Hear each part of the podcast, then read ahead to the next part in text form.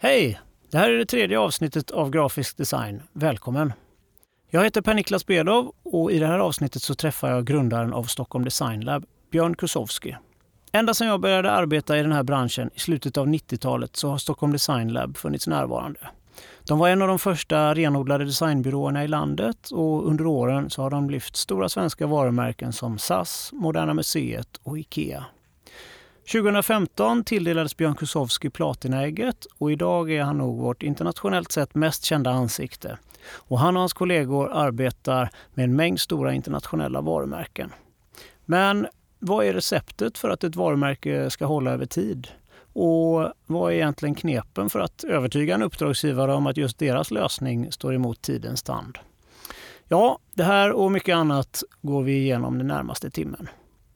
Podcasten Grafisk design är inte sponsrad. Däremot så ger vi utrymme till varje gäst att rekommendera en organisation som arbetar för en bättre värld. Björn Krusowski är sedan länge givare till Läkare utan gränser och vill gärna se att du också blir det. Besök dem på www.läkareutangränser.se.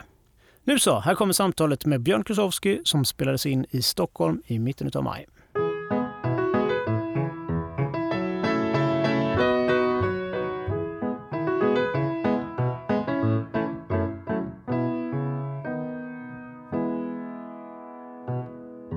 Hej Björn, välkommen! Hej, tack för att jag fick komma hit. Om du tänker tillbaks på våren 2012 när Riksbanken presenterade vinnaren av de nya svenska sedlarna. Vilken känsla gick igenom kroppen när du fick reda på vinnaren? Det var ju en plats eh, som var, alltså Riksbanken som är ett fantastiskt hus i sig. Alltså att bara gå in där var ju en stor upplevelse. Att man får legitimera sig och det är liksom olika säkerhetsdörrar. Och sen kom man in i det här rummet där de hade dukat upp alla förslagen. Då, då. Alltså vi var ju en av, jag tror att de var, jag tror att från början var det 50 stycken som var inbjudna. Och sen hade man valt ut ett eh, åtta, nio, tal, nio stycken. Och då stod alla förslagen så att säga, i en utställning och sen så var det ett podium där man hade täckt för då själva vinnande förslaget i ett annat rum. Så där satt då press och eh, formgivare såklart som var inbjudna. Och eh, vi var extremt förväntansfulla för vi hade lagt ner väldigt mycket tid och energi på det här. Och sen när de då avtäcker det här eh, förslaget så blev vi väl väldigt eh, besvikna. Ehm, och vi, jag tror mest, den största besvikelsen handlade om att vi vi tyckte att det var ett sånt viktigt uppdrag för Sverige, om man skulle kunna säga så. Det var liksom en möjlighet att profilera Sverige eh, med någonting som faktiskt folk, eh, som är taktilt och som folk faktiskt eh, kan ha, se och känna. Och, liksom. och då kände vi att det skulle vara så kul om det blev någonting riktigt, riktigt bra. Och vi såg ju exempel från andra länder som liksom Holland eller Norge eller, där man faktiskt ansträngt sig ganska mycket. Så besvikelsen låg i att, ah, vad synd att det inte blev mer spännande. Eh, och att i, så här, i efterhand då kanske lite naivt tro att vi skulle fått igenom vårt förslag, som egentligen bara var ett förslag, så vi hade ju hoppats på att utveckla det, med en jury som bestod av alltså, politiker och någon från Riksbanken och en konstnärinna, tror jag, som hoppade av i, i själva eh, processen. Eh, att de skulle se kvaliteterna i, i det här och vilja göra någonting annorlunda, det var nog ganska naivt helt enkelt. Ja, jag var lite förvånad över eh, juryn. Mm. Men det är nog så det går till. För det, ju, det, var ju faktiskt en, ett uppdrag som handlade om att titta på alltså nya sedlar. Och traditionellt så gick man till en gravör eller, liksom, för att göra det. När vi fick uppdraget så frågasatte vi, så här, men det är ju en helhet. Det är liksom typografi och form och layout och fotografi och liksom konst eller teckning eller vad man nu hittar på. Att det är bättre att se det som ett, ett större uppdrag. Och det andra var ju att sedlar i sig är ju ganska ointressant eftersom det kommer försvinna. Hur skulle det här se ut digitalt? Eh, så att säga? Hur översatt man det här i en... Hade ni det med i åtanke? Vi hade det i åtanke. Vi gjorde sådana skisser men, men, men eftersom det var en, alltså en offentlig upphandling, det var extremt tydliga direktiv vad man fick göra för inlämning. Det var liksom ett visst format, eh, en viss storlek exakt liksom, de här sedlarna så var inte det, det gick inte att visa upp det för, för Riksbanken. Men vi hade självklart tänkt på det. Vi tänkte att när sedlarna då försvinner, vad blir det då och vilken koppling har man till pengar? Så att det var en större fråga som de ställde men de valde ändå bara att begränsa det till en slags om jag ska vara elak så tycker jag att det är en slags dekoration. Alltså man har dekorerat sedlar och sen har man struntat i liksom typografi och form. Och. Sen var det ju väldigt givet. Det var ju liksom, formatet var givet, färgerna var givna, motiven var givna, fram och baksida och sådär. Så det, och det, på ett sätt är det ganska kul att jobba med extremt tydliga riktlinjer vad man får göra. Istället för att börja, ja ni får göra vad ni vill.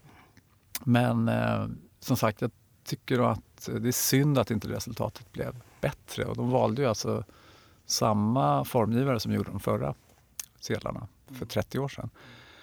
Och, eh, men den största besvikelsen var ju att det här kommer ju aldrig tillbaks. Det här är ju ett uppdrag man får en gång i livet och sen kanske nästa gång, om det nu finns sedlar kvar, det är om 30 år.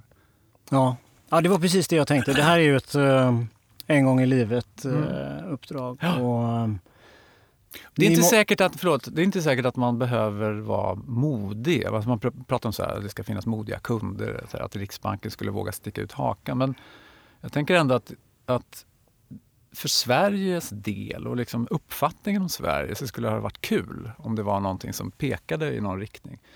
Jag blev så glad när jag såg England eh, gjorde nya eh, mynt. Just det.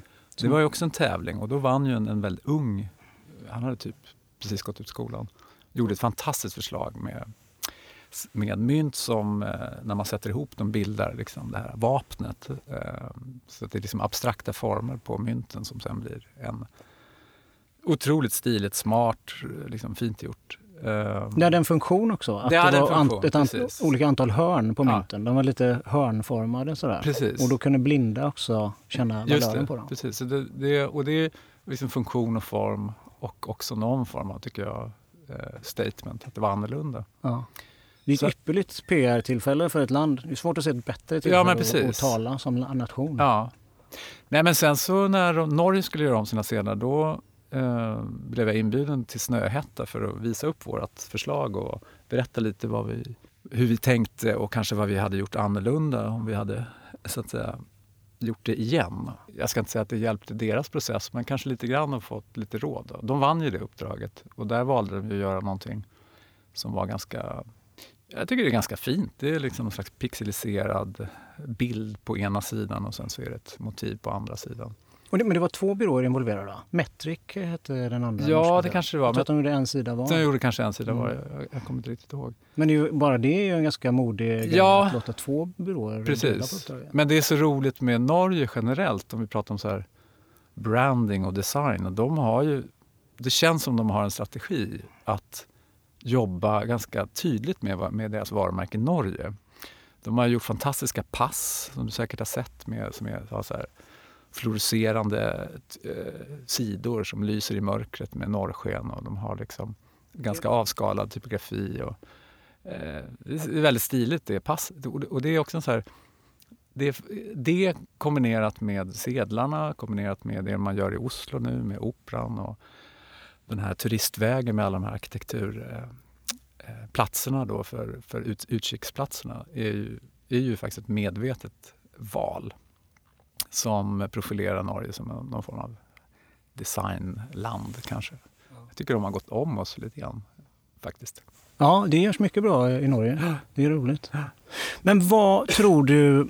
Det fanns ingen... Eh, det fanns inget samtal överhuvudtaget kring de här sedlarna när resultatet vann. Om man bara jämför med till exempel när Slussen skulle byggas om. Mm. Då stod ju halva arkitekturbranschen på barrikaderna tillsammans med med eh, vad heter han, galleristen där, Wetterling och, mm. och några till. Mm. Uh, men när sedlarna kom ut då var det mest lite kiv om vem som skulle vara på motivet mm. och så mm. var det glömt. Varför är det så tror du? Nej, men det handlar väl om att det inte finns någon riktig forum för den här typen av diskussion. Alltså design generellt är ju inte, figurerar ganska sällan i liksom, dagspress eller eh, man kan prata om när det kommer en ny identitet för någonting och så pratar man den här loggan har kostat si så många, si så många miljoner trots att företaget går dåligt eller vad det nu kan vara. Det är ju det som liksom, media kan snappa upp. Eh, men att prata lite mer i detalj och lite mer ha åsikter om en sån specifik sak som pengar tror jag är, det är nog ganska svårt. Men det, man kan ju tycka att i den lilla designvärlden borde det kanske vara en större debatt. Och, och, och, men jag kan inte riktigt komma på vilket forum det skulle vara. Är det liksom Resumé och Capo Design? Och... Ja, dels där, först där. Ja. Och sen, eh, men jag tycker att även eh, dagstidningarna har, har ett ansvar mm. och kanske täcka in. Jag kan ju förstå att man inte skriver om kommersiell design som du och jag jobbar med till vardags. Men när det kommer för ett, ett sånt landsomfattande uppdrag så tycker jag att det kan finnas bevakning på det.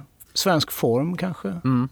Ja, men absolut. Jag, jag, eh, jag, tror ju att allmänheten ändå är intresserad. Alltså om man skulle ha en djupare analys av eh, varför de ser ut som de gör och vem har gjort dem och hur kommer det sig att de... Och så prata generellt om eh, liksom, eh, hur man profilerar ett land. Eller, det vore väldigt kul. Det är ju en ganska bra artikel man skulle kunna skriva. Men vem är det? Vem är... Ja, alltså, såklart så har du ju liksom branschtidningar, men jag tänker på om man tycker att design eh, är en del av kulturen så borde det väl kan jag tycka att man borde ha en, en fler dedikerade journalister i så fall som kan skriva om det. Jag menar, DN har ju folk som kan skriva om arkitektur och konst och kanske möbeldesign och eh, litteratur och så vidare. Men, och musik. Men, men just det specifika med, med design, det är ganska... Det är, inte, det är inte så många som håller på med det. Nej. Kanske är din uppgift nu då, att ja. ta över det. Ja, och jag, jag, har en tanke också om man jämför med arkitektur. Då, förutom att det är en, en kommersiell verksamhet vi håller på med, och det är ju arkitektur också, men mm. Då är det mycket lättare att se användandet hos slutanvändaren. Mm. Men det är också att det är ett mycket äldre yrke. Mm. Vi är ett, ett, ungt yrke, grafisk design. Och jag tycker man kan kanske se det också när man frågar någon vad är grafisk design? Mm. Vad är grafisk design? Vad tycker du att det är? Alltså jag är ju utbildad grafisk formgivare alltså, på Beckmans. Men redan, alltså, redan första året så förstod vi att det var ett mycket större begrepp än, än just grafisk design. Att det lika mycket handlade om någon slags holistisk syn på varumärke och där arkitektur och konst och eh, liksom övriga bitar för, för, var, var minst lika viktiga. Sen hade vi en gedigen liksom, typografisk utbildning. Vi hade en gedigen liksom, färglära och så vidare. Men jag tycker att grafisk design har i sin grund är det ju liksom hur man arrangerar bokstäver, färg, bilder på bästa möjliga sätt. Idag så är det flera användningsområden och liksom ett, ett mycket, mycket större palett. Vad tycker du är grafisk design? Ja, jag tycker att grafisk design är reklam i fårakläder kanske. Mm. Um, jag tycker inte att grafisk design är konst. Mm. Som, uh, det finns de som tycker det. Och det här är inte helt svart eller vitt. Det kan mm. ju dra på en glidande skala åt olika håll. Mm. Men i slutändan så är det ju någon form av visuell lösning som ska sälja en tjänst eller vara. Så jag tycker inte att man ska blanda ihop det för nära med konst, så, mm. även om det kan finnas konstnärliga inslag i design. Mm. Um, Okej, okay ja, men, eh, det kanske egentligen, grafisk design kanske är förlegat uttryck egentligen idag, eller vad tycker du? Jag, jag pratar inte så mycket om det idag. Att, att, jag, jag driver en strategisk designbyrå och det täcker in otroligt mycket mer än grafisk design. Um, och design generellt är ju, är ju ganska ointressant om det inte finns en, en tydlig strategi bakom, en anledning. Och, så att säga, det, det, känns, det känns viktigt att, att, se på det som en helhet. Men eh, det är en bra fråga om, det, om, om, om man kan bara isolera ordet grafisk design till, till någonting. Är det någon som verkligen håller på med det? Ja, det är vi då som döpte den här podden till grafisk design. Uh, vi pratade om det. Vi tänkte det kanske skulle heta Designpodden, men mm. då var det någon som redan hade startat det precis. Och mm. så tänkte vi, ska heta branding? Det känns så trendigt och kalla mm. något för det. Problemet med ordet design är ju att det är ju, tror jag för de flesta är förknippat med möbler. Ja. Uh, möbeldesign och, Och, eh, så att de, den så att säga, delen har, är redan upptagen på något sätt. Men ska vi backa lite? Du nämnde att du gick på Beckmans. Hur såg det ut innan dess? Var, hur, hur, du är uppvuxen dels på Lidingö mm. och i Uppsala. Nej. nej. nej. Eh, Järfälla, Lidingö, Mexiko är mina här, tre platser som jag har eh, påverkat mig. Eh, och jag eh, har en, liksom, en ganska vanlig bakgrund med liksom, treårig samhällsvetenskaplig linje med estetisk inriktning.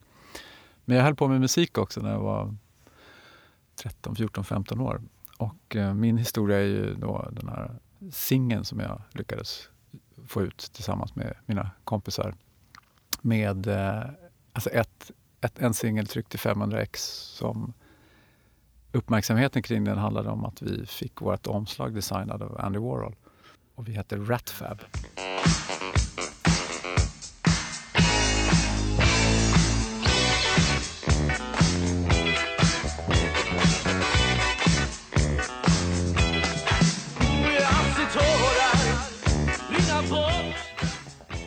Den singeln var ju någon slags vändpunkt för mig också för att den, den sålde ju i princip ingenting.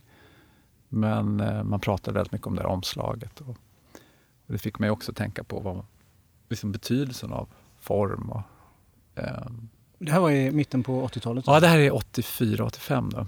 Så det här, och det roliga nu är att det här var ju faktiskt en av de sista skivomslagen som, som Andy Warhol gjorde. Han jobbade ju med, han gjorde ju liksom, äh, Rolling Stones och Velvet Underground, Liza Minnelli och så. Och um, nu såg jag sist då att den här, den säljs ju på Ebay på, för 12 000 kronor. Oj! Mm. Hur många reflex har du hemma? Nej, men jag har väl några, ett par stycken. Uh, men det är roligt hur liksom, sådär 30 år senare. Så, mer. Kort, hur fick ni Andy Warhol att lösa det här? Vi hade basisten i bandet som hette Kalle Häggkvist. Hans eh, farfar var en sån här känd playboy i Stockholm. Liksom, kände Dalí och Picasso. Och, och eh, Kalle fick vara med honom på en resa till New York. Och så var de inne på Factory och fick träffa Andy Warhol. Kalle var ju så fräck så att han hade med sig liksom en, en demokassett som han spelade upp och frågade helt enkelt, kan inte du göra vårt omslag? Vilket han gjorde. Han tog upp sitt intervjubrevpapper och skrev vårt namn då, på lite olika sätt. Och så, så sa han så det här kan ni använda. Eh, och det var ju väldigt generöst. Men det roliga med historien är just att det här med att man kan fråga vem som helst vad som helst. Eh, det är ju väldigt inspirerande. Han hade ju kunnat säga nej eller på något sätt tyckte att det var jättelöjligt. Men han sa ja. Så eh, på den vägen är det. Jag, jag är ju jätteglad för den. Och den, just att bli påminn om den så här långt senare är ganska kul. Och eh, Mexiko då? Hur mm. var... Eh, det var ju en... Bodde i Mexico City i tre år. Eh, min pappa fick jobb, eller jobbade med AGA, gas-AGA. Och vi ja, flyttade hela familjen dit och gick i internationell skola och försökte lära mig lite spanska och sådär. Där kom jag också i kontakt med Louis Barragán som är en mexikansk arkitekt som jag fortfarande tycker är helt fantastisk. Som är någon slags... Eh, jag tror att han är skolad hos Le Corbusier men det finns ju en, en så att säga, någon slags modernism över honom fast tolkad på ett mexikanskt sätt med helt andra färger och så vidare. Ja, färgpaletten är ju... Ja, det är mycket pasteller och mm. liksom rosa och gult och rött och sådär. Och jag hade möjlighet att åka tillbaks till Mexiko för typ 5, 6, 7 år sedan um, och besöka flera av hans byggnader. Jag var som en stalker för att jag, jag hade kollat ut var de låg. Men det är ofta så privatvillor. Så att jag åkte till de här platserna och så ringde på och ibland öppnade de och så öppnade de inte så stod jag utanför och väntade. Så blev jag inbjuden och fick se de här Aha. fantastiska husen. Hur var skicket på dem idag? Då? Nej, jättefina. Ja. Alltså det som är kul är att de har någon slags värme som mycket av man inte kanske ser i Europa. Det är, det är, förutom färgställningen så är det liksom en annan det är ett annat klimat och så i Mexiko. Men det var jättekul att se. Eh, och otroligt välbevarade. Och, eh, kändes som man absolut kunde flytta in där idag. Mm. Men vad, fanns design med redan då när du var så ung? Har du, finns det någonting i uppväxten som... Uh, nej, egentligen inte. Alltså, min pappa var ju, alltså han gick Handels och, och han var ju liksom utbildad ekonom. Och, uh, men min farfar drev en... Uh, han var kanske den då som var mest konstnärligt lagd. Och han, var, eh, han hade butik i Örnsköldsvik, alltså min familj är från Örnsköldsvik en herrekipering som heter Kusowskis herrekipering. Där han gjorde liksom skyltar och eh, skyltfönster och annonser. Och lite sånt där. Så jag har fått se de grejerna efteråt. Jag minns också att han var väldigt noggrann och hade, var väldigt duktig på att texta. Och, men annars så var det på ett sätt en slump att jag började på Beckman för att jag, jag slapp göra lumpen efter gymnasiet eh, och hamnade på en pytteliten annonsbyrå som, där jag jobbade som bud och originalare. Typ. Vilken var det? Ja, den hette Swap och låg på Kungsholmen, Polhemsgatan. Men, ehm, och där jobbade en eh, formgivare som hette Boris Bencic som senare hamnade i tidningsvärlden och på Arena och Face och sådär på 90-talet han, jag tog över hans jobb och han började då på Beckmans. Sen efter ett år så ringde han mig och sa att du, om två dagar så är det sista an, ansökningsdagen till Beckmans, du borde söka. Så då fick jag med lappen med arbets, vilka arbetsprov man skulle lämna in och eh, lyckades göra det på två dagar. Hade, men det var ju så här, det skulle vara kroki och svartvita bilder och massa saker. Och jag hade aldrig tecknat en enda kroki någonsin, så jag fick låna någons kompis Men jag kom i alla fall in och det är jag ju e-, evigt tacksam för. Att få liksom en, en gedigen, relativt gedigen bakgrund till det jag håller på med idag. Mm. Hur, man, hur länge gick man då? Två år? Tre, tre, år, tre år? Tre år. Och då låg Beckmans på Smålandsgatan, mm. en liten lägenhet.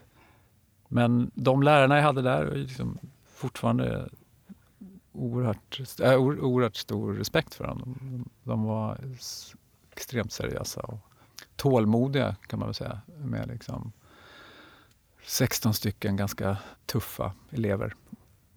Är det några av dem som är verksamma och framgångsrika idag? Det ja, det var, det var en väldigt bra klass eh, tycker jag.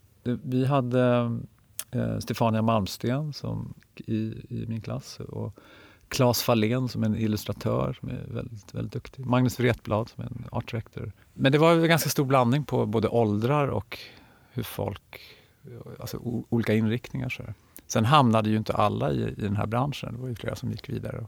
Claes Wallén var väl lillebror ett tag? Va? Ja, just det, i uh, Bröderna Olsson. Ja. ja, precis. Uh, och var på ZTV och mm. hade något sådär. Och efter Beckmans så började du i reklambranschen då?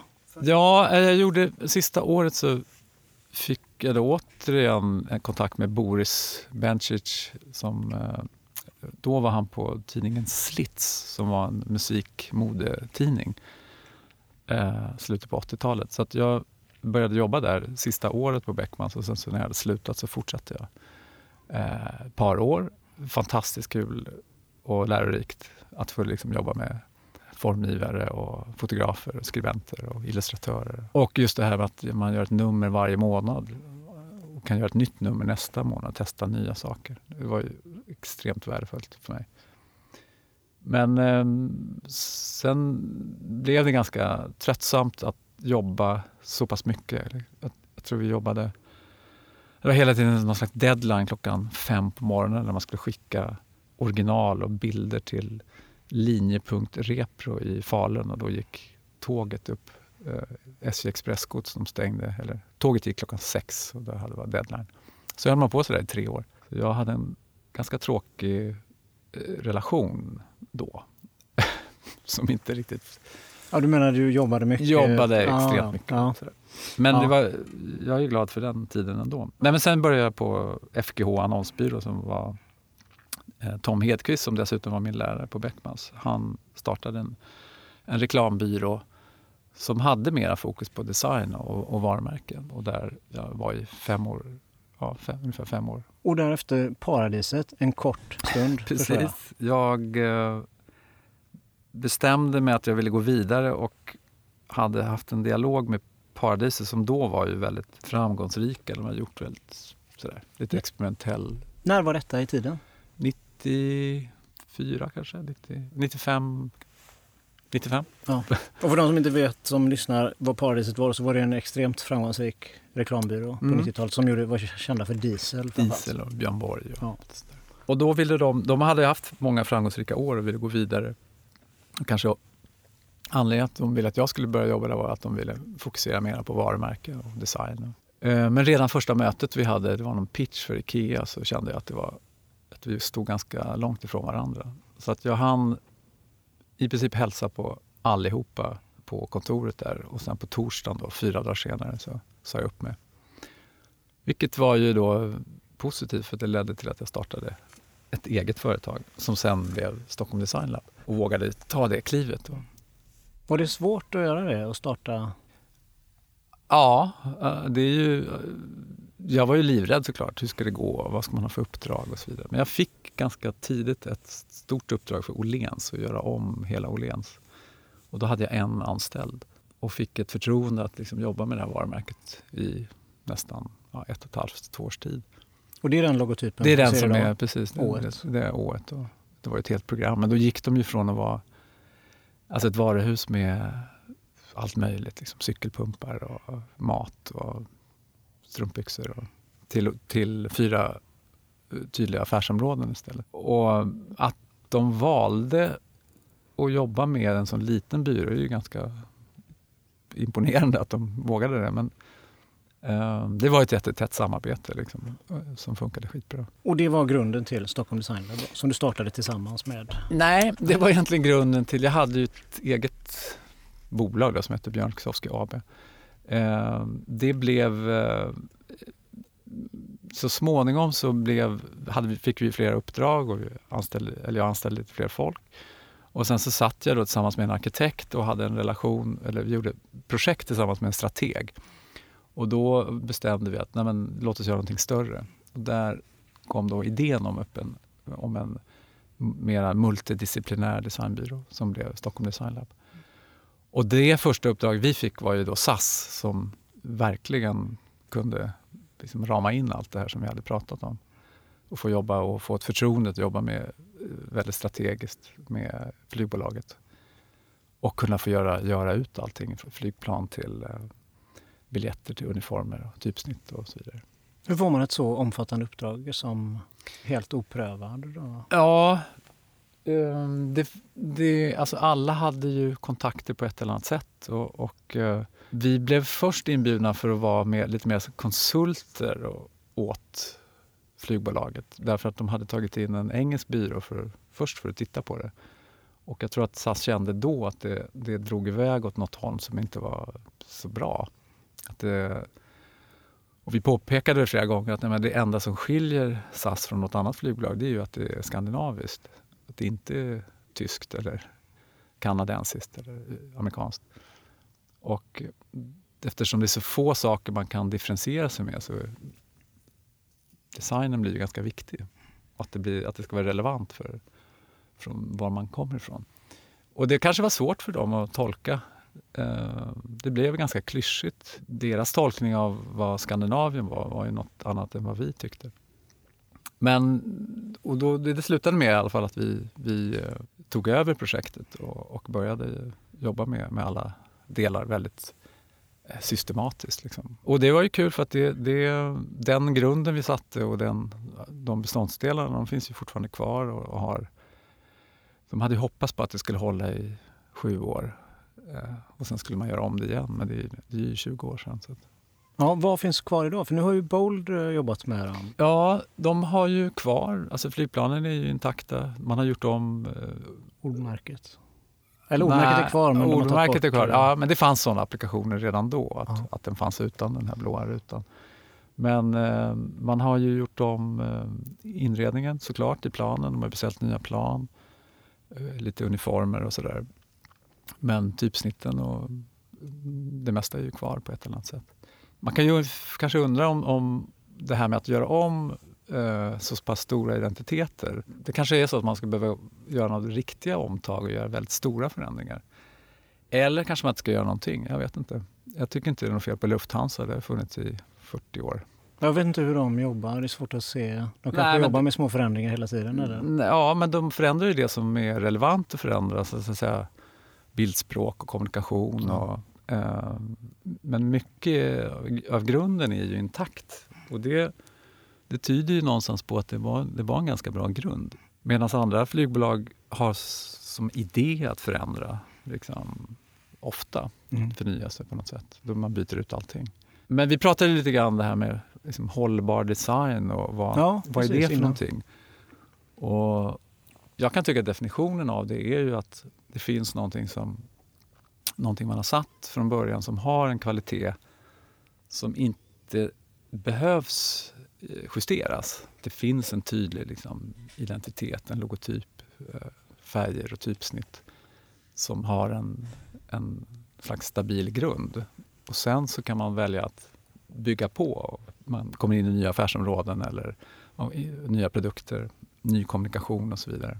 Det känns som att det, det för mig är hållbar, hållbarhet och sådär, för det kan vi prata om också med alltså definitionen av det, men, men jag, tror att, jag tror att det här med, med att vara väldigt, ha en bra bas är, är grunden till det. Och vad är en bra bas? Men en bra bas är ju att göra någonting som klarar av tidens förändringar eller trender. Eller. Och där blir det också svårt att prata om så här, vad är klassiskt och vad är tidlöst och så vidare. Men jag brukar referera till Chanel som jag tycker fortfarande är ett fantastiskt exempel på någon som valde att göra någonting väldigt annorlunda då, 20-talet, liksom, med det här modernistiska språket med svarta och vita. Och när allt annat var liksom snirkligt och så valde hon att göra någonting som såg väldigt superenkelt. Den basen är ju, finns ju fortfarande kvar. Den är oantastlig skulle jag vilja säga. Den känns inte vare sig omodern eller, eller på något sätt irrelevant. Den, är, den, den har klarat av nästan hundra års eh, förändringar i världen. Så det är väl en bra bas. Sen bygger de ju på då med nya produkter och nya Mm. parfymer och butiker och så vidare. Men, men basen är ju densamma. Men man, jag tycker man kan se i många uppdrag som du har varit involverad i. Stadium tycker jag är ett jättebra exempel. Det håller fortfarande bra. Um, Moderna Museet såklart. Um, vad har vi med? SAS har du ju själv nämnt. Och, och jag såg några Filippa K-påsar på er Mm. hemsida. Mm. Så tänkte jag det här måste vara nya, men de var ju från 90-talet Mm. kanske. Mm. Va, vad är receptet för att eh, lyckas eh, stå då över tid som Mm. i era arbeten? Jag tror att det handlar om att man har en inställning till varumärke och design som är som handlar just om eller, eller så här, jag tror att det, det är det här, det är ett otroligt ansvar man får när man, man, man får ett uppdrag och, och jobba då med Stadium till exempel. Så är ju det, det är, ju- den förändringen de ska göra är ju extremt stor. Det kommer kosta pengar, det är otroligt omständigt och det ska liksom förankras. Att det ansvaret man får förpliktigar. på något sätt. Att man behöver göra någonting som man vet kommer kunna fungera.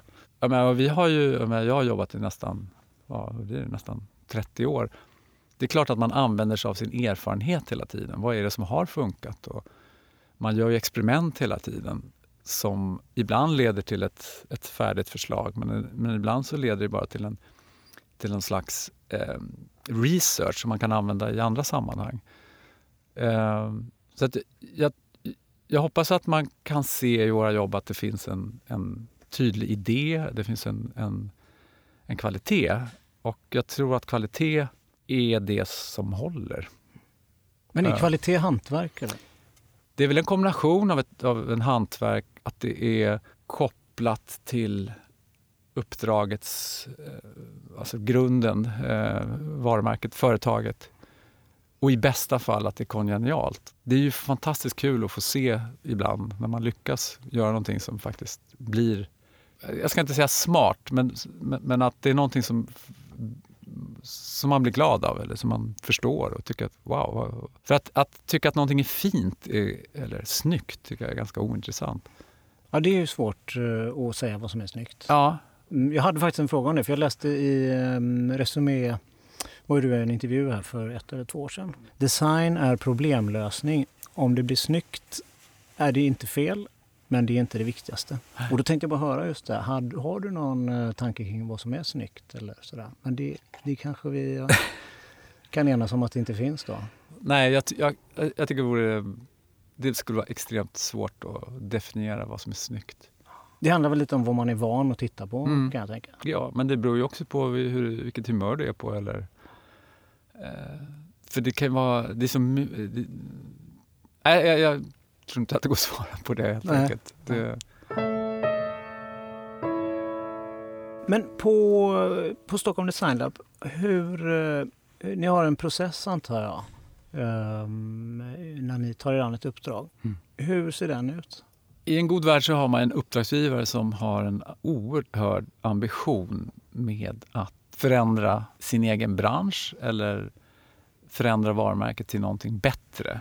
Extra kul när man har en, en ambition att vilja göra någonting som är bättre. Och då är frågan, vad är bättre? Är det, liksom, är det en bättre tjänst eller service eller produkt eller har man tänkt på miljön? Alltså det finns ju olika saker som, som kan vara bättre. Men en påläst kund är ju oftast... Det blir mycket roligare att jobba med det, en sån, ett, ett sånt uppdrag. Vi får förfrågningar som är baserades, baseras oftast på att de har, de har en uppfattning om oss, de har sett vad vi har gjort och vill att vi helt enkelt tittar på möjligheter att, att förändra någonting. Och då handlar det väldigt mycket om att definiera den här förändringen. Ehm, det är ju såklart, ibland händer det att vi får uppdrag som är från, helt från scratch. Att det inte finns, det finns vare sig ett namn eller en produkt eller någonting, men det finns en idé kanske. Men de flesta är ju faktiskt bolag som redan existerar som vill göra, göra någon form av förändring. Och då har vi en femstegsprocess som handlar om väldigt mycket om eh, första steget att, att eh, göra liksom, rätt analys och målgrupp och titta på kärnvärden och eh, konkurrensanalys. Och allt det där som är otroligt viktigt för att skapa en strategi. Och att sätta strategin för kanske tre eller fem år framåt är ju också viktigt. Att veta att man kan gå med på det och att, att, att de ord man sätter upp som jag kan tycka i de flesta fall är ganska klyschiga, eh, som handlar om att vara enkel eller modern, innovativ eller vad det nu kan vara. Men trots allt så ger det någon slags riktning vad man kan göra inför en eh, kreativ brief som vi sätter upp. Och då har vi en, någonting som vi kallar för creative opening där vi visar på ett väldigt övergripande sätt hur varumärket skulle kunna eh, se ut. Och sen är det två steg till som handlar om att göra ut allting i alla applikationer och sen följa upp det. Det är i, i korthet. Då. Och underlaget som, som designern får då, eller som jobbar med, vad, vad, hur ser den briefen ut, den kreativa briefen? Nej, men den är ju då baserad på de här två första stegen. Då. Det här är, är strategin bakom det här är eh, målgruppen. Så här ser eh, konkurrenterna ut. Det här är de, eh, den riktning det här borde ta. Och ibland är det ju väldigt tydligt vad det, vi jobbade med apoteken när de privatiserades, eh, när de släppte monopolet. Då jobbade vi med den minsta aktören som var Vårdapoteket. De ville göra någonting annorlunda. De sa att vi vill inte vara gröna och Apoteket AB och Apotek Hjärtat, utan vi vill göra någonting annorlunda. Då är det ganska givet då att det, att det kommer ta någon annan riktning än det man är van vid. Medan i andra fall så kan det vara så att kunderna har inte riktigt mognat för en större förändring och man får helt enkelt göra mycket workshop för att bevisa eller förklara att det är nog viktigt att ta ett större steg för att ni ska kunna bli mer framgångsrika. Det är ju helt upp till ambitionen med projektet. Den, mm. den är jätteviktig att sätta. Ambitionen och också vad är det för typer av personer man kommer jobba med nu under ett år. Gillar man varandra? Är det liksom en, kan det bli ett bra projekt? vi är alltid nyfikna. I princip så säger vi ju ja till ett möte och för att man är nyfiken på att höra vad, vad det kan bli för någonting. Men man kan ganska snabbt också känna att det finns en eh, problematik som handlar om att man vill göra någonting väldigt snabbt eller man har ingen större budget. Eller, och det märker man ju i de här första mötena. Jag läste i en intervju så sa du att eh, du tyckte att det var opassande att kalla uppdragsgivare för modiga. Mm. För att de ska inte känna att de tar en risk när, de, när ni är klara med en process? Nej, för det har ju blivit... Man, man, man hör ju det ofta att, att det... Och det kan man se på så prisutdelningar också. Vi vill tacka den här uppdragsgivaren för att han var så modig. Som vågade göra det här. Jag menar på att de här två första stegen man gör, de ska ju någonstans leda fram till att det är så, såklart att vi måste göra på det här sättet eller vi måste gå en annan väg. Att man är redan ganska trygg i det. Sen kan man ju då tycka att, att oj, gick ni så här långt eller gjorde ni en sån här stor förändring? Men det går ju att motivera det eftersom man har redan förberett så att säga innan, de här, innan, innan man presenterar någonting. Så jag tycker inte att man behöver prata om att vara modig utan det är ju, man har gjort jobbet rätt helt enkelt. Ja, det är klart att det ledde fram till en jättestor förändring eller någonting som var annorlunda. Men som sagt, det är ju väldigt många som sätter upp alla de här liksom, kriterierna för vad en förändring, hur det, alltså vissa ord som dyker upp hela tiden. Men när man väl gör någonting som, som uppenbarligen är innovativt eller modernt så, så har man ju kanske olika uppfattningar om vad det, vad det är för någonting och, och blir, ibland kan man ju bli chockad. Jobbar ni med, med moodboards mot uh, uppdragsgivarna så mm. att de ska få en visuell förankring i mm. var, var ni landar någonstans? Moodboards men också mycket film och musik och, få, och även fy, alltså fysiska saker. Vi har precis flyttat kontoret och där har vi mer som en ateljé så att, så att vi, vi gillar ju att liksom kunna komma in i en, ett, ett rum som är inte bara en, en keynote-presentation utan som också är någonting fysiskt.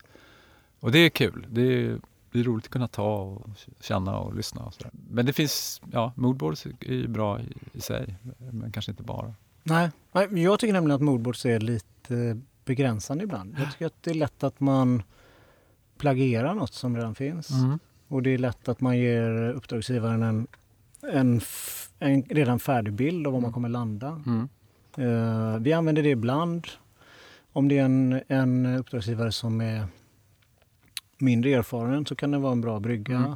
Men vi försöker jobba mycket med ord istället och känslor. Och det låter ju lite som ni gör också med film och, och ljud och så. Ja, och, men det är också svårt för att om du bara har ord så du behöver definiera de orden eh, också. Mm. Det kan du göra med text, du kan ju också ha orden och, och visualisera dem.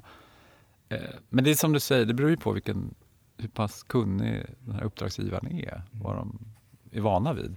Och hur mycket de litar på oss egentligen. Jag försöker ja. få dem att, att, att lita på oss. Ja, precis. Ja. ja. men det är bra. Det är roligt att höra. Som jag nämnde för dig tidigare så har jag ju inte gått i skolan utan jag har ju bara kört på själv. Så jag är alltså nyfiken på att höra hur processen ser ut hos mm. andra byråer. Mm.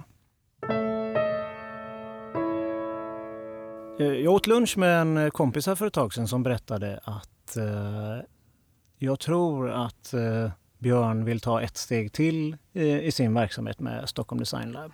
Stämmer det? Mm. Absolut. Förhoppningsvis så tar man ju steg hela tiden, även om de kanske är små. Men i och med att liksom, branschen ser ut som den gör och kunderna eh, förväntar sig en, en, helt annan leverans än vad det var tidigare så är det klart att vi tar steg, tycker jag, hela tiden. Men absolut att vi är mycket mer digitalt fokuserade. Att jobba med nästan alla uppdrag idag handlar ju om att kunna leverera på ett helt annat sätt än vad vi gjorde för kanske tio år sedan. Så vi rekryterar ju mycket mer digitala eh, personer till kontoret. Men vi försöker också ta hand om det här holistiska perspektivet som vi började då för 20 år sedan. Att, att se på ett varumärkes alla delar. Vilket betyder även liksom, alltså fysiska miljöer, eller produkten i sig, eh, varumärket, eh, den digitala miljön. Och de uppdragen kommer eh, just nu i alla fall väldigt mycket eh, internationellt. Ambitionen och de stegen vi tar är väl att kanske kunna ha närvaro i andra länder. Om det blir fysiskt eh, har vi inte riktigt bestämt. Just nu så reser vi väldigt mycket. Då. Men idag så jobbar vi ju i Japan och, och Korea och i Ryssland och USA och Österrike och med väldigt olika typer av uppdrag. Men det gemensamma är väl att de har en bild av oss som handlar om att de söker någonting som är, ja, om man ska liksom ha ett ord så är det väl någon slags enk enkelhet. Uh, simplicity. Och det beror ju på att det om man tittar på Kina som är där Eh, inte kanske bara Kina, men det är så oerhört många varumärken där ute. Eh, det är så mycket som, som tävlar med varandra och vad är det som, vad är det som kan göra någon skillnad? Hur, hur sticker det ut? Får ni förfrågningar från Kina? Ja, ja. absolut. Och det är ju en helt ny värld att liksom lära känna en sån marknad och hur pass mogen är den, hur pass långt fram är de? Och eh, jag var turnerade lite i Kina för en, ja, en, tre månader sedan och, och var i Shanghai och Nanjing och Shenzhen och, och sen i Hongkong. Att det är ju väldigt, alltså bara de städerna är ju extremt olika. Både om man tittar på mat och liksom kultur och sådär. Uh, men det känns som ett extremt spännande land att, att jobba i. Sen får man väl vara lite vaksam och tänka på alltså, både vad som händer i Kina generellt och, och eh, men det växer ju en, en, medelklass där som är ganska intresserad av det vi håller på med. Skulle du kunna tänka dig att flytta? Um, jag skulle nog kunna tänka mig flytta, kunna tänka mig flytta i någon, en period kanske. Men uh, uh, jag tror att vi kommer fortsätta ett tag till att, att pendla eller liksom besöka städerna. Um, jag har varit, min dröm har väl varit egentligen att ha ett, ett litet kontor i Tokyo. Och det beror egentligen på att jag, jag var i Tokyo för första gången 1990 och eh, träffade en art director som hette Masetera Aoba som var ja, som en Paul Rand eller någon i, i Japan. Som tog runt mig och min kompis Fredrik på massa olika ställen och visade upp eh, Tokyo. Och hela den eh, liksom, hela den japanska kulturen och estetiken och allting är ju fantastiskt. Och sen när vi fick då det här uppdraget som vi har hållit på med nu i nästan 12 år för ett företag som heter Askul så har jag haft möjlighet att resa tillbaks nästan varje år. Och det känns som Japan ligger väldigt nära oss och det finns en, ett släktskap som jag tycker är spännande. Hur är, hur är det att jobba med japanska uppdragsgivare? De, jag kan tänka mig att de skiljer sig. Ja, det som är svårigheten är att få förtroendet att, att jobba överhuvudtaget. Att generellt sett tar det ganska lång tid att få, ett, få det där förtroendet. Men, men eh, vi hade ganska tur faktiskt. Att, att uh, vi fick ju en bra kontakt med vdn för det här företaget. Och, uh, han sa direkt att han, ja, men, att han ville jobba långsiktigt och, och, och, utveckla det här varumärket. Så, att, så det, var ju, det var ju fantastiskt. Men, men sen har ju Japan sina problem och, och de har ju verkligen ekonomiska problem och, och, och varit, liksom både haft, haft jordbävningar och andra dippar sådär ekonomiskt. Uh, så det är inte samma högkonjunktur som det är här i Europa, märker man ju. Ja. Men hur är det med att betala sig de internationella uppdragen? Ja, på sikt kraft. så gör det ju det, men eh, absolut. Vi har ju någon ambition att, att liksom ett uppdrag leder till ett annat så att vi, vi bygger ju på eh, någon slags kontaktnät. Och, eh, och innan man skulle öppna ett kontor så är det ju såklart extremt viktigt att ha, ha flera uppdrag som, som är mer långsiktiga. Och hur vi skulle kunna konkurrera på, i, på den japanska marknaden som ett litet svenskt kontor, det vet jag inte men jag, jag, tror att det skulle kunna vara ganska lönsamt. Vad är det vi gillar så mycket med Japan? Är det noggrannheten eller vad? Det räcker med att bara gå och sätta sig på en restaurang och äta. Alltså, du har ju mat som är utöver allt annat. Alltså, du har en estetik som är, är liksom enorm. Tokyo speciellt då är, är ju fascinerande för att det, det, är så pass som högt och lågt. Du har det här traditionella liksom, teceremoni och karpar och trädgårdar och sen har du någon slags hysteriskt mode eller arkitektur. Det är väl blandningen som är fascinerande. Det känns som att de lägger mycket kraft i vad de än tar sig för. Ja. Men det, jag vet inte om det är så. Jag har varit i Tokyo en gång bara. Mm, men det var ju en otrolig stad. Ja, ja men det är inspirerande för att det händer ju saker. Det är, jag har ju inte, verkligen inte sett hela Tokyo. Trots att jag varit där många gånger så är det gigantiskt och eh, förändligt. föränderligt. Varje gång man kommer dit så har ju liksom ett område förändrats på något sätt. Det händer ju... Jag brukar ju säga att det, det, det, ju, det finns ju någon slags sorg när man kommer hem. Att man landar i Stockholm och allting ser likadant ut och, och har en ganska... Ja, det är väldigt litet. Men om vi byter ämne lite grann och pratar lite om era jobb. Jag tänkte på Moderna Museet som ni jobbade med. Då var det ju Björn Kusowski, Greger Ulf Nilsson och Henrik Nygren. Mm. Ni är ju lite designvärldens traveling Wilburys, kan man säga det? Hur funkar det att jobba tre, så, um, um, tre personer som har egna praktiker mm. ihop? Nej, men det var väl lite som sedeluppdraget. att När den förfrågan gick ut så kändes det otroligt viktigt att det, det där, skulle, att det, där, det där måste bli bra. Och jag, menar, jag, tror att det var en öppen tävling, men det var i alla fall ett 50-tal som, som var med i, i processen. Och då... Och redan då, jag tyckte att det var väldigt kul att samarbeta. Vi, jag menar, vi samarbetar med, med både Henrik och, och Greger i andra sammanhang. Och, och, eh, det kändes som att det här skulle vi kunna göra jättebra tillsammans. Eh, och jag var också nyfiken på, på processen. Vad, vad händer liksom när man eh, sitter tre art directors och, och, ska komma på något smart? Eh, och de tyckte samma sak. Jag kommer faktiskt inte ihåg vem, på vems initiativ det var men det slutade i alla fall med att vi, vi sågs och bestämde oss för att lämna in det här tillsammans. Fördelen med det uppdraget var att det var en uppdragsgivare som, som var extremt kunnig och verkligen var en bra mottagare. Uh, och Vem var uppdragsgivaren? Det, det, var uh, alltså Lars Nittve. Ja, var... Och då hade han varit på Tate och alltså, han har jobbat med väldigt duktiga byråer och uh, är duktig på varumärken. Så att det, var, det var en kul process att kunna presentera olika förslag för honom och diskutera och, och, och återigen prata om det här med ambition. Vad vill vi? Hur mycket ska det synas? Och jag tror att processen var eller det här samarbetet blev väldigt, väldigt eh, bra därför att vi, vi tyckte väldigt olika saker och vi hade olika input. Och slutresultatet tycker jag blev alldeles utmärkt. Håller det än idag? Ja, jag tycker att, jag tycker att stora delar är, är bra men jag kan se att man skulle kunna göra en liten uppdatering eh, för att förenkla saker och ting. För de använder ju olika formgivare hela tiden att göra böcker och affischer och utställningar. Och ibland så ser det inte så bra ut tycker jag. Mm. Men ni jobbar ingenting med dem idag? Vi gör väl några, lite då och då.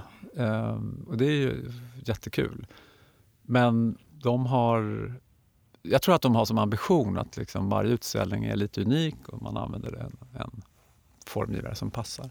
Men jag tycker fortfarande att det är en, en plats... Alltså de har ju en fantastisk samling med, med konst. De har, och det, Daniel Birnbaum har gjort nu, eh, vilket även Lars gjorde, men det var ju verkligen få tillbaka det att folk kommer dit. Och att det, det är liksom en samlingsplats. Det är ju otroligt fina utställningar som, som tycker jag konstant eh, förvånar på ett eller annat sätt och väldigt ambitiöst. Eh, sen har, tycker jag fortfarande att den där byggnaden är ganska trist. Och att den blev så pass anonym som den blev, det, det är synd. Den smälter in där på Skeppsholmen. Inför det här eh, samtalet så mejlade du några tankar om vad vi skulle kunna prata om. Och då pratade du om svårigheten att skapa identiteter. Kan du utveckla det lite grann? Det handlar lite grann om att, du nämnde också att den här branschen är ganska ny. Den kommer ju i princip från reklambranschen som 60, 70, 80-talet fuskade med identitet och design och man erbjöd en, en liksom större palett där man gjorde förpackningar och logotyper. Och. Sen när det blev mer professionellt och där designbyråerna började dyka upp på 90-talet så var ju inte mottagarna, så företagen hade ju inte en renodlade designköpare utan ofta så, så var det marknadschefer som förutom att köpa reklam så köper man även design utan någon egentligen utbildning eller kunskap kring vad det innebär. Och det, så är det ju tyvärr idag också, att man både är marknadschef och designköpare. Och ska man då kunna kombinera det Om man gör en stor förändring så, så är det ju extremt mycket tålamod som krävs för att genomföra det, att, så att säga, förankra det i en stor organisation. Vi brukar alltid rekommendera Eh, när man går in i sådana här projekt att ni måste ha en dedikerad person som, som driver de här frågorna, som är ansvarig, designansvarig. Och det är inte alla företag som har det. Och vad som händer är, är oftast att eh, man kan förankra strategin och liksom de här två första stegen som vi har pratat om i en ledningsgrupp kanske och en, kanske till och med en styrelse. Sen när du kommer till att ta ett beslut på någonting, en, en ny stor förändring av ett varumärke, så kan den frågan hamna hos en VD. Är det en duktig VD så kan det ju i många fall då bli en bra diskussion. Men i många fall så är ju en, kanske en VD på ett stort företag inte alls lämpad för att ta ett beslut. Men kanske låtsas ha den här kunskapen. Det är en ganska obekväm situation för en person som är så pass högt uppsatt att ta ett beslut på att det här kommer se ut på det här sättet och få de här konsekvenserna. Och eh, det har vi märkt flera gånger att, att, det blir ganska svårt. Och det är inte säkert att man vill ha en, en, en VD som tycker. Och då är nästa steg, då hamnar det i, i, i nästa led eller liksom i en, en, en slags mellanchef som ska ta, ta ett beslut. Så jag tycker det är svårt att, att, ringa in vem är det som bestämmer och har den personen kunskap kring det här.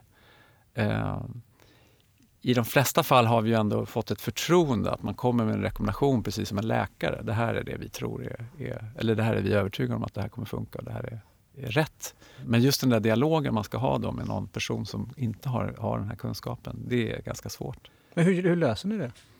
Ja, då är det ju de här, den här förankringsprocessen innan och att man är väldigt tydlig med vilken förflyttning man ska göra. Att, att det, det man sen kommer visa är bara ett resultat av de här två första stegen. Att det inte blir en diskussion om tycke och smak utan det här är någonting som blir väldigt relevant och är, passar den här förändringen.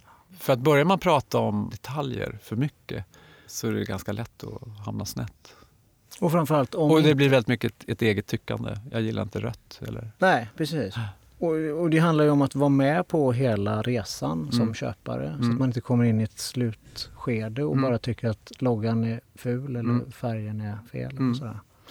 Men sen är det ju hela då processen efter då, när man väl har tagit ett beslut. Att förstå att det tar tid. Att det tar det är en otrolig ansträngning att, att driva igenom någonting och få det att funka på alla plattformar och, och, få internt förståelse för varför man gör det här. Och i slutändan en konsument eller vad det nu kan vara. Att se att förändringen är relevant. Det händer ju att man ser stora förändringar som känns väldigt märkliga och onödiga kanske. Men en annan, en annat problem är att det är ingen som egentligen vill ha någonting nytt. Och när man gör såna här undersökningar, man går in och går ut och frågar folk vad tycker ni om det här? Så är det ju sällan man får något vettigt svar. Varför ska vi ändra på det här? Och liksom, vad är anledningen till det? Det var väl bra som det var ungefär. Alla gillar väl förändring förutom när det drabbar dem själva? Ja, kanske det är så. backa lite till det här med när du startade Stockholm Design Lab 98. Mm. Eh, det fanns ju inte så många eh, designbyråer då? Nej, det, det var ju... Det, jag tror det fanns en fyra, fem stycken i alla fall. Men det vi upptäckte var ju att de stora projekten de hamnade i England eller USA på, på de större designbyråerna som Landor. Och, mm. och resultatet blev oftast ganska mediokert. Det var ju en drivkraft i sig då, att kunna, kunna tillföra någonting kunna jobba med design på ett mer professionellt sätt i, i Sverige. Och vi var ju väldigt... Eh, alltså, vi hade ju ganska tur att vi fick göra det här stora uppdraget med flygbolaget. Och, och det fick ett stort genomslag. Men, men eh, och, och, vi pratade om där hur, hur man växer. Vi var ganska få personer. Vi var ju kanske en fem, sex personer som jobbade med det och sen växte det eh, successivt. Och jag tror att man kan vara liten eh, på tre, fyra eller fem personer och ändå kunna göra den här typen av uppdrag. Och har man väl gjort ett uppdrag så kan man göra ett nytt uppdrag och att man växer eh, med uppdragen. Liksom, kunder är ju intresserade av att se någonting nytt och, och idag är det så lätt att nå, nå ut också. Menar, det finns ju en anledning då att vi får förfrågningar från, från Asien eller, eller USA. Det är ju för att de har sett någonting och, har man väl gjort IKEA eller vad det nu kan vara, SAS, så finns det ju all möjlighet, alltså då förstår de att man har möjlighet att göra liknande uppdrag på den nivån. Så det är väl som popmusik, att du måste hela tiden göra hits. Jag tycker fortfarande att designbyråerna konkurrerar med reklambyråerna mm. emellanåt. Mm. Och det kan jag tycka är ett litet svaghetstecken för mm. vår bransch. Mm. Men det har väl att göra med att reklambyråerna i sig är ju ganska otydliga vad, de, vad är deras roll idag där liksom, det har varit cykler med, med digitala byråer och PR-byråer och webbyråer och eh, designbyråer. I slutändan så var man ju tvungen att döpa om reklamförbundet till KOM då, som handlar om kommunikation. Vilket kanske är relevant. Men, men eh, det, reklambyråernas roll är ju fortfarande ganska otydlig. Och det är ju därför man då går in på andra områden. Och de har ju tagit PR eh, ja. nu och det har de ju faktiskt gjort ganska bra. Ja. Men, men just design tycker jag att de är svagare. Mm. Och det är lite ovanligt eh, kanske, eller jag tror det i alla fall, i Sverige att reklambyråer gör designen. Så om man tittar i London och sådär så tror jag mer att reklambyråerna köper in mm. små mm. studios med de senaste stilen eller vad det kan vara. Så, så är det nog. Mm. Och eh, vi var jättestränga när vi startade Eh, Stockholm Design Lab att vi inte skulle hålla på med reklam. Men det där har ju luckrats upp också. Jag menar, det vi gör leder ju fram till någon, form av kommunikation och i vissa projekt blir det ganska naturligt att vi även gör det. Men eh, jag håller med dig. Det, man kan tycka att, att kunder borde se. Ja, men vi, har, vi väljer en reklambyrå för att göra reklam. Och vi har en designbyrå som har en erfarenhet att jobba med. Det är det här jag fiskar lite ja. efter. jag frågade faktiskt Parasto Backman som var här i första avsnittet om detta också, om vi har omogna köpare. Mm. Och det och vi, både hon och jag har ju mycket mindre uppdragsgivare än vad du har. Mm. Vad tycker du om köparna? Är de bra? Jag tycker det har utvecklats eh, och att man har en liksom, större vision eller större bild av vad varumärken kan göra. Och det har att göra med att man ser så många goda exempel på där design har tillfört någonting. Där, där design är väldigt, väldigt viktigt för varumärket. Och man vill gärna ha någonting som är minst lika bra. Jo, jag, jag tycker nog att uppdragsgivarna har blivit bättre. Ja, slutligen så tänkte jag bara be om ett tips. Då. Du som har jobbat i snart 30 år och har en byrå med vad har ni, 20 anställda 20. ungefär. Eh, om du ska ge ett tips till mig då som driver en liten studio med fem anställda, vad tycker du skulle vara nästa steg för oss om vi vill göra någonting? Det är ju en, ett problem tycker jag som konsult att man väntar på att få uppdrag, att man får för, för, förfrågningar. Och det där går ju i perioder. Vi har ju varit jätteglada för att i vissa perioder få många förfrågningar men det finns ju stunder där vi inte får någonting alls. Och då har vi pratat om väldigt mycket om att istället närma sig uppdrag som man verkligen vill jobba med med en tanke eller en, en, någon form av idé kanske. Och det kan leda till att man faktiskt får ett uppdrag. Stort eller litet spelar egentligen ingen roll. Men, men har man väl, eh, som vi pratade om tidigare, har man gjort någonting väldigt bra och solitt som syns och har kommit ut så väcker det nyfikenhet bland andra uppdragsgivare. Och, och det är bara att fortsätta på det spåret, att sätta göra bra saker.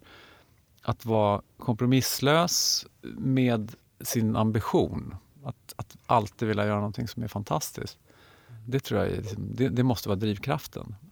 Och det tror jag många kan se, att det finns, det finns en, en extremt hög ambition. Eh, vilket leder till nya jobb. Bra. Tack så mycket för att du kom hit Björn. Tack så mycket för att jag fick komma hit.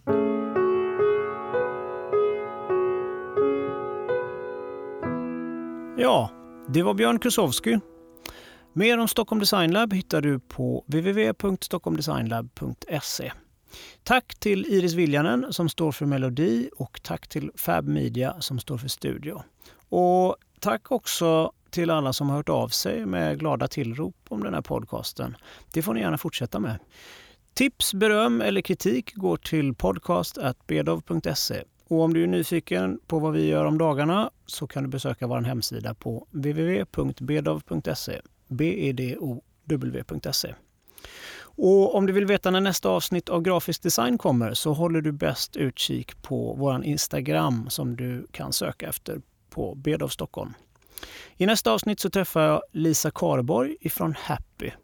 Ja, men det där är en klassiker. Alltså det, jag skulle säga att nio av tio kommer och säger Eh, vi vill ha en ny identitet men rör inte logotypen. Och sen börjar processen av att bevisa att ni måste röra logotypen. Vi hörs då. Hej då!